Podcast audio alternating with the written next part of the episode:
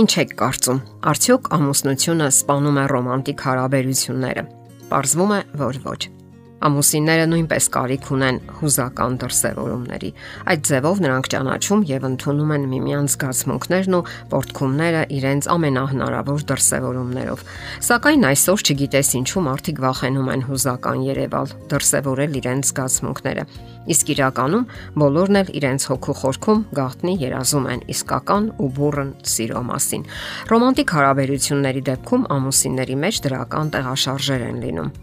հարաբերությունների, սիրահարվածության, ամուսնու հետ կապված դրական փորձառությունը եւ հույզերը ազդում են անznավորության վրա փոխում նրա մտածելակերպը եւ իրավիճակների ընկալումը։ Այլ կերպ ասած, սերն օգնում է նրանց վստահորեն քայլելու կյանքի ճանապարհներով եւ չհուսահատվելու։ Ասենք որ այս երևույթը հետազոտողները նկատել են թե տղամարդկանց եւ թե կանանց դեպքում։ Պարզապես յուրաքանչյուր մարդ իր յուրահատուկ ձևով է արձագանքում։ Երկարատև ռոմանտիկ հարաբերություններն ավելի ուժեղ ազդեցություն են թողնում, քան կարճատև անհաջող սիրավեպերը։ Եվ միանգամայն ճշգրտորեն կարելի ասել, որ այն երիտասարդ երիտասարդները, որոնք հարաբերություններ են ստեղծում, միայն շահում են դրանից։ Այսինքն ամուսնությունը սիրո ռոմանտիկ հարաբերությունների այն տեսակն է, որ լավագույն ձևով համապատասխանում է մարդկային հոգեբանությանը։ Գիտնականները նշում են, որ մեր ուղեղում մեծ փոփոխություններ են տեղի ունենում միայն այն ժամանակ, երբ մենք գիտենք, որ դա սեր է։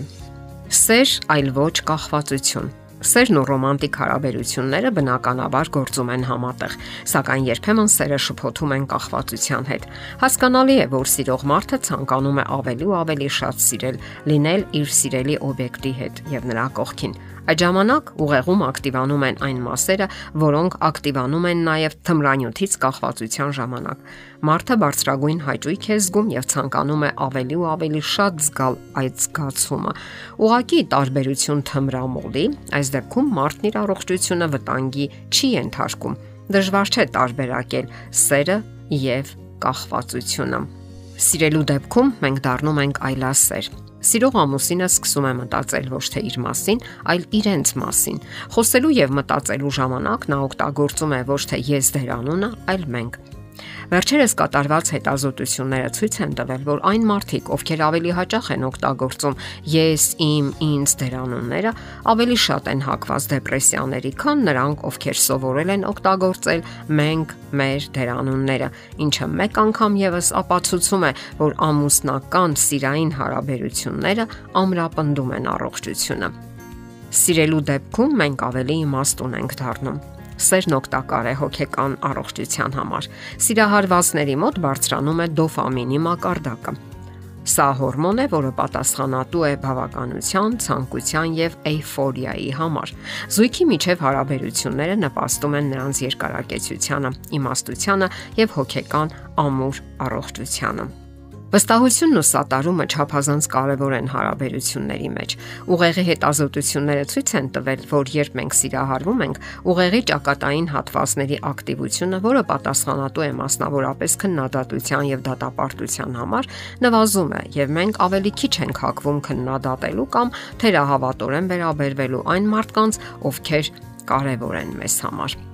Ամուսնական նյութությունը սկսվում է հույզերի խոր զարգացումից։ Դրանք պետք է աճեն եւ բնավորվեն վերածվելով իսկական սիրո։ Ահա թե ինչու միայն ֆիզիկական մերձության դեպքում զգացմունքները չեն աճում եւ չեն խորանում։ Եթե նույնիսկ դրանք բարեկամական ձեռք սեղմումներ են, կամ էլ ձեռքը ուսին գցելը։ Ասենք որ ամուսնական հարաբերությունները այդպես չեն սկսվում, այդպես վերջանում են Սխալվում են այն տղաներն ու աղջնակները, որոնց առաջին գործը լինում է համբուրվելը կամ ընթառաջ գնալ միմյանց մարմինները ճանաչելուն։ Ինչ է սիրային հարմարվողականությունը։ Սա մեր դարաշրջանի բնորոշ գիծն է, երբ հարմարվում ես եւ ցանկանում ստանալ ավելին, չտալով ոչինչ կամ շատ քիչ։ Երբ ցանկանում ես հնարավորինս շատ ազատություն ունենալով բավականություններ ստանալու անսպառ աղբյուրներ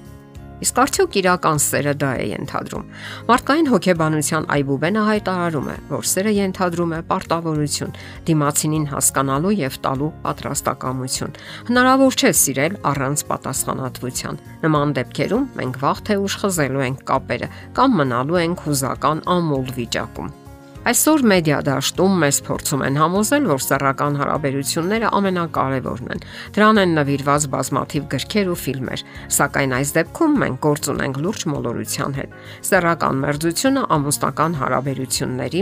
գագաթնակետն է։ Կարևոր է նաև ճանաչել ու հասկանալ ձեր սեփական զգացմունքները, հասկանալ միմյանց սեփական զգացմունքները դիմացինի հանդեպ Փորձեք կիսվել այդ սիրով հաղթահարեք ձեզ։ Սերը երկու ինքնուրույն անհատականությունների հանդիպումը չէ, այլ այնպիսի իրավիճակ է, երբ երկուսն էլ զգում են իրենց կախվածությունը միմյանցից եւ համաձայնում են դրա հետ, ընդունելով, որ երկուսն էլ ունեն միմյանց կարիքը։ Դա ռոմանտիկ հարաբերությունների սկիզբն է, այլ ոչ ավարտը։ Եթերում ընտանիք հաղորդաշարներ։ Հարցերի եւ առաջարկությունների համար զանգահարել 033 87 87 87 հեռախոսահամարով։